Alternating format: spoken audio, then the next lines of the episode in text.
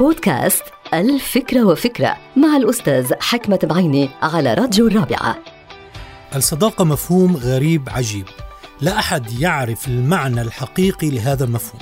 البعض بيقول إنه هي علاقة مودة ومحبة والبعض الآخر بيقول إنه الصديق هو من وعد وصدق.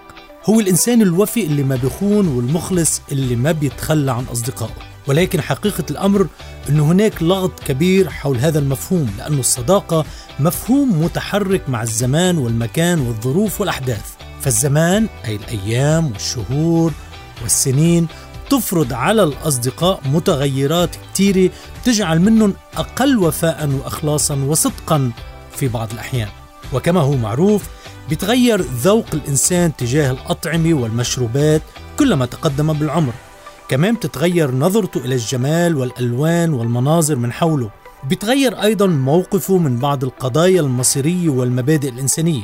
وما ينطبق على الذوق والجمال والآراء ينطبق على الصداقة وعناصر الصداقة وظروف الصداقة.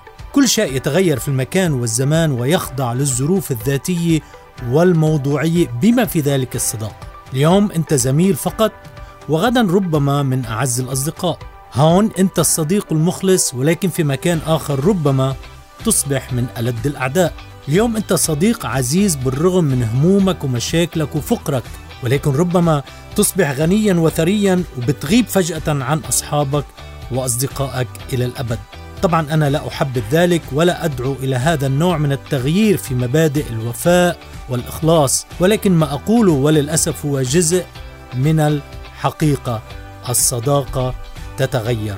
انتهت الفكرة. هذه الحلقة مقتبسة من كتاب الفكرة وفكرة.